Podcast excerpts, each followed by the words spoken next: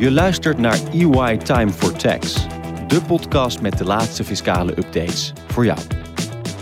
Over belastingen over winst, omzet en arbeid en belastingen in het nieuwe digitale tijdperk. Wij gidsen je in een klein half uur door de ontwikkelingen op het gebied van fiscaliteit. Dit voorjaar hielden we eindelijk weer live onze Tax and Law Days.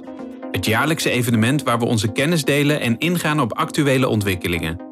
In een serie van drie afleveringen belichten we enkele van de thema's die aan bod kwamen.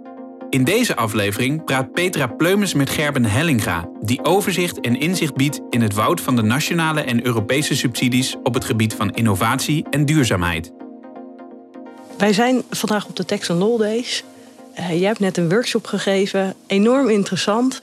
Dus ik heb je toch maar achter deze microfoon neergezet. Kan je vertellen wat je verteld hebt? Ja, dankjewel uh, Peter. Hartstikke leuk inderdaad om vanmorgen uh, de workshop te geven aan een uh, selecte groep van mijn Tax en Law collega's van UI. Nu zeg maar dat mogen herhalen een stukje in deze podcast.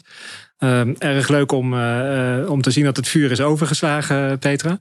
Uh, ja, wat wij vanmorgen besproken hebben, waar het uh, wat met name van belang is, is uh, een goed inzicht krijgen in het subsidielandschap. En uh, nou, dat is grosso modo te verdelen in de Europese programma's en de Nederlandse programma's, uiteraard. En binnen de Nederlandse praktijk bijvoorbeeld zie je een onderscheid tussen subsidies die via de fiscale route verrekend worden of cash-subsidies. En kunnen we dan eerst even inzoomen op dat Europees versus Nederland? En ja. dan gaan we daarna fiscaal versus cash. Ja. Europees versus Nederland, wat, wat kan je daar vertellen? Nou, als het over Europese subsidies hebt, toch, hè, dat zijn dan de programma's die vanuit Brussel met name gecoördineerd uh, worden. Dat zijn uh, grote programma's, uh, veel budgetten zijn daarvoor, grote potten geld. Maar hoe groter de pot geld natuurlijk, hoe groter ook de aantrekkingskracht daarvan. Ehm, groot onderscheid met dus een Nederlands programma is dat je ook concurreert met andere aanvragers uit andere Europese landen. Dus het kan heel goed zijn dat je in Nederland een supergaaf idee hebt en dat idee, dat, dat die ontwikkeling indient voor een Europese subsidie. Maar dan heb je misschien wel wel te maken met de concurrentie van een vergelijkbaar idee, wat uit Italië, Spanje of Portugal of zo uh, komt. Nou, daar is dus een, hevige competitie uh, gaande om die subsidie-euro. Uh, dus je zult echt hele goede plannen en hele sterke aanvragen moeten hebben om daar goed gepositioneerd in Brussel zeg maar, aan te komen. Om aanspraak te kunnen maken met succes op die Europese subsidies. En, en is die competitie zoals je die benoemt, is dat dan een competitie om wel of niet een subsidie te krijgen of om meer of minder subsidie te krijgen? Dat kan allebei zo zijn. Het, het eerste uh, vraag is natuurlijk inderdaad de vraag van wel of geen subsidie. Dus is jouw project goed genoeg voor subsidie? Maar dan kun je bijvoorbeeld ook voorstellen dat er uh, dusdanig veel goede projecten zijn maar als die allemaal de subsidie willen hebben die ze hebben aangevraagd, dat daarvoor dan de pot in feite te klein is. Nou, wat je dan in de praktijk wel ziet, is dat er dan geschaafd gaat worden aan die begrotingen zeg maar, van die individuele projecten. Dus dan gaat de Europese Commissie heel goed kijken van hey, een bepaalde kostenpost, is dat nou wel nodig of is die wel zo hoog? En dat op al die manieren dus wat geschaafd gaat worden aan zo'n begroting. Dat je uiteindelijk ziet, en dat is natuurlijk wel het mooie wat er dan uh, gebeurt, is dat gewoon echt goede projecten wel hun doorgang vinden, omdat ze uiteindelijk wel voldoende steun krijgen vanuit Brussel om toch doorgang te kunnen vinden. Dus het hoeft niet meteen te betekenen dat jouw project dan helemaal niet doorgaat. Uh, maar dan misschien wel met een stukje minder subsidie dan waar je misschien op had uh, gehoopt. Maar je krijgt wel die steun en de backup zeg maar, vanuit uh, Brussel, vanuit de Europese Unie, om zo'n project doorgang te laten vinden. En dat vinden klanten ook natuurlijk super gaaf, want dat is wel ook een mooie bevestiging van het feit dat zij op de juiste route zitten met hun ontwikkeling of idee om bepaalde vergroening of verduurzaming door te maken. Dus je zegt eigenlijk is het niet alleen een, check kan ik de subsidie krijgen, maar misschien ook wel een check ben ik goed bezig. Ja, het is, zo zie ik het ook wel. Als je een subsidieaanvraag doet en die aanvraag wordt ook goedgekeurd. Nou, de, die aanvraag wordt in dit geval dan, waar we het over hebben, over de, de Europese subsidies, wordt dan door de Europese Commissie in feite goedgekeurd. Dus er komt een, een stempel op, joh, jouw project is goed genoeg om subsidie te krijgen. En natuurlijk is dat een bevestiging en is dat heel gaaf voor bedrijven om te zien van hé, hey, wij zijn inderdaad op de goede route bezig. Wij dragen ons steentje bij aan die verduurzaming van Europa in dit geval. Ja. Dat is natuurlijk gewoon gaaf om, uh, om te hebben. Dus het hoeft niet eens zozeer alleen maar om dat financiële voordeel te gaan. Het kan natuurlijk ook wel echt een stukje bevestiging zijn van we zijn echt goed bezig. Helder. Ik hoor je uh, in ieder geval zeggen dat uh, op het moment dat je kijkt naar Europees versus Nederland, dat je in Europa die competitie meer hebt, of in ieder geval de competitie van de andere landen. Ja. ik hoor je ook zeggen dat die pot vaak in Europa wat groter is. Zijn er nog andere uh, belangrijke verschillen? Nou, omdat de pot wat groter is en dus ook het subsidiebedrag wat je uiteindelijk kan krijgen ook wat groter is in vergelijking met de Nederlandse programma's. Uh, zijn ook de aanvragen wat omvangrijker en complexer uiteraard. Dus je zult uh, een betere business case moeten hebben. Je zult een hele strakke, goede begroting moeten hebben. Uh, en je kan je ook voorstellen, omdat het Europees geld is, dat er ook een bepaalde Europese impact in moet zitten. Dus je kan je bijvoorbeeld denken dat je bij veel Europese programma's ook een samenwerking moet hebben. Bijvoorbeeld over de grens. Dus dat een Nederlands bedrijf met een Duits bedrijf of met een, met, met een Frans bedrijf samenwerkt in een gezamenlijke ontwikkeling en een gezamenlijke ambitie heeft. Waarbij al die verschillende partijen hun eigen inbreng hebben in het totale project. Eh, maar daarmee wel, zeg maar, dus eh, zeker grensoverschrijdend zijn. En echt dus ja, voor de economie van Europa een, bijdrage kunnen leveren. Uh, dus de scope is groter zeg maar, van de, de effecten van zo'n project. Dat is dan op Europese schaal. En wat kenmerkt dan een Nederlands subsidietraject? Nou, een Nederlands uh, kenmerk is uh, dat je natuurlijk vaak de concurrentie hebt binnen de Nederlandse landsgrenzen. Dus als er een bepaalde subsidiepot is, dan heb je daarmee te maken dat dus bedrijven vanuit Nederland daarvoor ook concurreren. maar ook dus de impact en de scope van jouw project moeten ook vaak een Nederlandse impact hebben. Dus je hoeft daar niet per se naar een grensoverschrijdend aspect te kijken. En het voordeel daarvan is dat je dus ook bijvoorbeeld op bedrijfsniveau een bepaald voordeel of een bepaald effect kan hebben en dat dus die subsidie ook voor jou als individueel bedrijf een hele mooie win kan uh, zijn. Zonder dat dat meteen een hele grote Europese impact of zo moet, uh, moet hebben. En, en, zit daar ook de mogelijkheid in van, van nou ja, een, een dubbelslag? Is, is het mogelijk om voor een uh, project met Europese, waaronder Nederlandse impact, zowel een Europese subsidie te krijgen als een Nederlandse subsidie? Ja, dat kan zeker. Het hoeft niet elkaar niet meteen uit uh, te sluiten. Het is altijd wel eventjes opletten wat voor subsidie er op, ja, op dezelfde euro uh, zit. Maar het hoeft elkaar niet meteen uit te sluiten. en zeker als je naar Nederlandse schaal kijkt. We hebben in Nederland de WBSO-regeling. Dat is echt een regeling voor R&D-ontwikkelingen. Dus bedrijven die aan eigen technologieontwikkeling doen. Nou, die kunnen daarvoor een stukje korting op de loonkosten van hun eigen mensen krijgen die dat RD-project uitvoeren. Maar we zien ook wel vaak dat uit die WBSO-projecten hele uh, nieuwe investeringen of nieuwe ideeën komen. Waarbij uh, bijvoorbeeld uh, ook een bepaald proces wordt verduurzaamd. Nou, dat kan dan ook weer raakvlak hebben met een ander programma. Waar bijvoorbeeld een investeringskorting op een, op een energieinvestering zit. Of waarbij een ontwikkeling die onder die RD-subsidie gesubsidieerd wordt, dusdanig effect op een bepaalde energiebalans of energieverbruik heeft. Dat daar dus ook een andere subsidie tegenover kan staan. Die gericht is op het energielandschap. Dus het kan ook heel goed uh, samen gaan. Dus hoeft elkaar niet meteen uit te sluiten, maar het is altijd wel even opletten wat uh, precies waar uh, zit. En dan hebben we Europees versus Nederlands gehad. je gaf ook nog aan dat we cash versus fiscaal. Kan je daar wat over vertellen? Ja, er is een, uh, in Nederland wel een, een, duidelijk onderscheid tussen de cash subsidies en de fiscale subsidies. En het grote verschil is natuurlijk dat de fiscale subsidies die worden verrekend via een fiscale methode. Ik noemde net al eventjes die WBSO-subsidie. Dat is een subsidie op de R&D-kosten. Nou, die wordt verrekend via een korting op de loonheffing van bedrijven. Dus dat zit echt in die fiscale sfeer. Het voordeel van zo'n WBSO is dan dus ook omdat het in de loonheffing zit, is dat je niet per se in een winstbelastingbetalende positie hoeft te zitten. Zodra je dus de medewerkers op je loonlijst hebt staan, dan kun je daar voor een aanmerking uh, komen. Nou, zo is er ook bijvoorbeeld een investeringsprogramma wat uh, milieuvriendelijk of duurzame uh, bedrijfsmiddelen subsidieert. Nou, die investeringen die vinden een korting in de te betalen vennootschapsbelasting. Dus een bedrijf uh, kan daarmee zijn winstbelasting uh, verlagen. Dat zijn echt de grote, uh, voorname fiscale programma's. En daartegenover staat dan inderdaad de cash-subsidies. Veelal vanuit de topsector energie bijvoorbeeld. Die hebben een aantal programma's waarbinnen allerlei energieontwikkelingen en energieonderzoeken gesubsidieerd worden.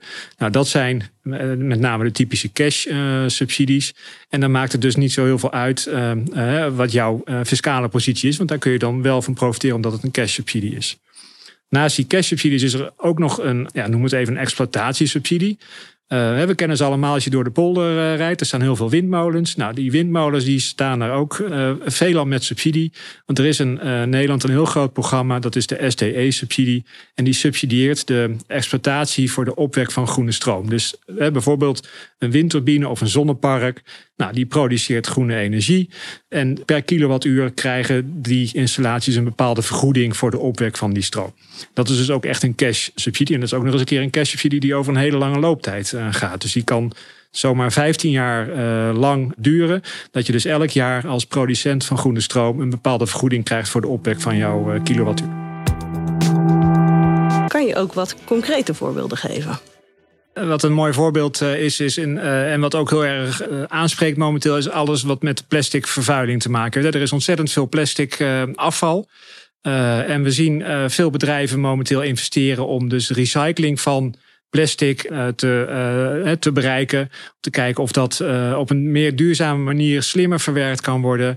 beter gerecycled kan worden. Dat er weer hoogwaardige nieuwe producten van gemaakt kunnen worden. Dus dat zeg maar, dat behoud van die grondstof zo hoog mogelijk blijft. Nou, bijvoorbeeld apparatuur of machines die dat soort recyclingprocessen mogelijk maken. Dat geeft natuurlijk een milieuvoordeel. Er is ook geen uh, vervuiling uh, meer van die plastics. Nou, dat soort machinerie of dat soort apparatuur, dat kan in aanmerking komen voor een uh, investeringskorting. Dus bedrijven die daarin investeren, krijgen in feite direct een korting op de aanschaf van zo'n machine. Dat is natuurlijk fantastisch, want dat helpt hun versnellen om die CO2-doelstelling van hun te halen. En ze krijgen ook nog een keer een stukje tegemoetkoming vanuit de overheid. Nou, wat je dan ook, wat we tegenwoordig ook veel zien, is dat heel veel bedrijven natuurlijk gewoon een, een bedrijfsplan met een plat dak. Nou, we zien dat dat heel veel uh, gebruikt wordt om daar zonnepanelen op te gaan leggen. Dus dat bedrijven ook echt vanuit zichzelf bezig zijn om hun eigen energie, uh, huishoudboekje om het zo te zeggen, om te zorgen dat daar uh, dus niet te veel grijze stroom meer wordt verbruikt. Dus bedrijven die gaan hun eigen daken volleggen met zonnepanelen en zorgen dus over dat ze voorzien in hun eigen energievoorziening. Nou, ook op de aanschaf van zo'n zonnepaneel of op de exploitatie van zo'n een wat groter zonnepanelenpark, daar kan ook subsidie zitten. Dus ook daarin worden bedrijven gestimuleerd om dat soort stappen te gaan maken. En heb je een project waar je enorm trots op bent? Nou, een van de projecten waar ik wel uh, trots op ben, wat ook wel erg aansprekend is, is dat je nu wel ziet dat uh, er bepaalde lijmen in producten zitten, waardoor bijvoorbeeld afvalzakjes of bepaalde zakjes niet bij het uh, groene, bij het GFT-afval terecht kunnen komen. We zijn ook bezig met een traject waarbij de lijm uit zo'n product wordt vervangen door een composteerbaar goedje. Uh, nou, dat vraagt een hoop innovatie om dat goedje uh, te maken. Nou, op die innovatie van zo'n uh, goedje, daar kunnen de werknemers van de bedrijven kunnen daar ook een subsidie op krijgen, dat dat dus deels vergoed wordt. maar het mooie daarvan is, is dat dus dat product uiteindelijk volledig composteerbaar is. Dat het hele product gewoon in één keer in de groene vuilcontainer kan. En dat is wel gaaf, want daarmee ja, is er een, bijna een gesloten cirkel zeg maar, van dat product. Uh, omdat dus het hele zakje in één keer in een groene container kan. Zonder dat je alles uh, in een grijze container stopt. Omdat er maar een heel klein stukje uh, niet composteerbaar spul in zit. Wauw, duurzaamheid en innovativiteit. Ja, die dingen komen soms heel mooi samen. En die interacteren natuurlijk ook heel vaak met elkaar. We zien natuurlijk heel veel bedrijven die uh, met innovatieve activiteiten bezig zijn. Nou, die, daar is uh, zeker subsidie uh, voor. Maar het wordt helemaal mooi als die innovatieve activiteiten leiden tot ook nog een bepaalde vergroening erin. Ja, en ik word hier natuurlijk heel enthousiast van. Dus heb je misschien nog een voorbeeld? Ja, zeker. En een ander voorbeeld is bijvoorbeeld, nou, wat je heel veel ziet met de zonnepanelen en windparken die er zijn, is dat er heel veel, op de goede dagen is er heel veel opwek van duurzame groene stroom. Uh, maar het net kan niet alles uh, zomaar aan. Hè. Er is natuurlijk ook een bepaalde vraag en aanbod op dat net. Een ontwikkeling waar we bij betrokken zijn is bijvoorbeeld een heel gaaf project waarbij je op een hele duurzame manier ook nog eens die duurzaam opgewekte stroom kan opslaan. Dus dat je eigenlijk een, uh, een hele mooie batterij krijgt. Maar die batterij aan zich, ja, dat is geen lithium batterij. Dat is gewoon ook een hele duurzame uh, batterij wordt op een hele slimme manier uh, wordt dat opgeslagen. Zonder dat die batterij zelf heel erg vervuilend is. En dat is natuurlijk ook een probleem wat we op, mogelijk op de lange termijn kunnen zien. Wat gaat er met heel veel accu's gebeuren bijvoorbeeld? Nou, dit is een heel mooi voorbeeld waarbij ook dat probleem getackeld wordt. Dat je dus ook op de lange termijn geen schadelijke afval of geen ja, geen ongebruikte goederen zeg maar, overhoudt van zo'n uh, van zo'n accu. Dus je kan op een duurzame manier duurzaam opgewekte stroom opslaan. Dat is helemaal gaaf. Ja, mooi. Ik kan me voorstellen dat, dat er een x aantal subsidies zijn waarvan we eigenlijk wel het bestaan weet. Maar er zullen er ongetwijfeld ook een hoop zijn waar men niet zo snel aan denkt. Um, kan jij ons wat vertellen over die onbekende subsidies? Ja, er zijn inderdaad eh, er zijn talloze programma's op allerlei verschillende uh, thema's. Heel veel hebben nu natuurlijk met duurzaamheid uh, te maken. Er zijn ook hele voor liggende programma's die ook vaak onbekend zijn. bijvoorbeeld de vervanging van verlichting in bestaande panden door LED-verlichting kan nog steeds een voordeel opleveren als je daarin investeert. Dus dat, dat soort simpele maatregelen, om het zo te zeggen, kan nog steeds voordelig zijn om te doen. Aan de andere kant, uh, ook vanuit uh, Brussel en vanuit de topsector energie bijvoorbeeld, zijn talloze programma's en specifieke thema's benoemd die het heel interessant maken als bedrijven daarin gaan investeren en daarop gaan ontwikkelen. Dus bijvoorbeeld met CO2-afvang, waterbesparing, waterstof is natuurlijk ook wel um, een, een topic momenteel dus ervoor zorgen dat duurzaam opgewekte energie, bijvoorbeeld van de windmolens op zee, dat die middels een elektrolyse, dus zeg maar een apparaat wat die stroom die duurzaam is opgewekt, omzet in waterstof. Nou, dat zijn ook programma's en investeringen die voor subsidie in aanmerking kunnen komen. Dus altijd meer dan we, dan we denken. Er is eigenlijk altijd wel meer dan je, dan je denkt. En uh, we hoeven uh, niet heel vaak inderdaad nee te verkopen dat iets niet kan. Als het maar een bepaalde duurzame ambitie heeft. Wat uiteraard wel een, soms een beetje verder gaat dan wat er zeg maar, van goed ondernemerschap van je verwacht mag worden. Tot slot dan nog uh, de vraag: uh, welke vraag heb ik nog niet gesteld? Of met andere woorden, wat wil je onze luisteraars nog meegeven? Ja, wat natuurlijk wel goed is om te realiseren, is dat uh, there is no such thing as a free lunch. Hè? Dus als je subsidies aanvraagt, dat gaat om overheidsgeld, dat gaat om belastinggeld, daar hebben we allemaal aan bijgedragen. Nou, dus daar staat wel iets tegenover. Dus je moet je wel realiseren dat een subsidieaanvraag en een subsidietoekenning, ja, die komt met verplichtingen. Dus je zult uh, als bedrijf ook moeten laten zien dat je die bepaalde investering inderdaad doet. Je zult moeten laten aantonen dat jouw projecten uh, over de tijd ook goed uh, ontwikkelt. Aan het eind kan daar een, misschien een bepaalde rapportage aan zitten. Dus het aanvragen van subsidies, dat gaat niet zomaar. Het is niet ook dat je een blanco cheque krijgt. Dus je zult wel moeten laten zien dat je die stappen echt zet. En je moet uiteraard daar een bepaalde verantwoording in hebben. Dat de subsidiegelden ook goed besteed worden. En dan hoef je niet meteen eraan te denken dat je complete boekhouding overhoop wordt gehaald. Maar je hebt wel gewoon, soms moet je wat facturen laten zien. Of moeten er bepaalde urenstaten zijn van mensen. En moet je bijvoorbeeld kunnen laten zien dat een bepaalde machine inderdaad efficiënter is gaan draaien. En dat die daardoor minder energie verbruikt.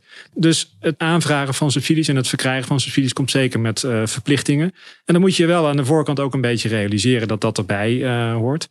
Uh, maar ook, ja goed, dat kunnen we van tevoren ook aangeven hoe zwaar die verplichtingen zijn. Dan is het altijd een keuze om te kijken of je dat inderdaad aan kan of niet. En daar kunnen we ook bij ondersteunen om dat uh, proces ook voor elkaar te krijgen. Dus het komt niet voor niks, hè. voor niks gaat de zon op, maar uh, subsidies komt met een stukje uh, verantwoording. Dankjewel Gerben.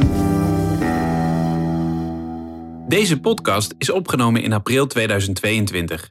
We geven hierin onze visie op actuele ontwikkelingen. Dit is geen advies en er kunnen geen rechten aan worden ontleend. Meer opinierende podcasts, blogs en artikelen vindt u op ey.com.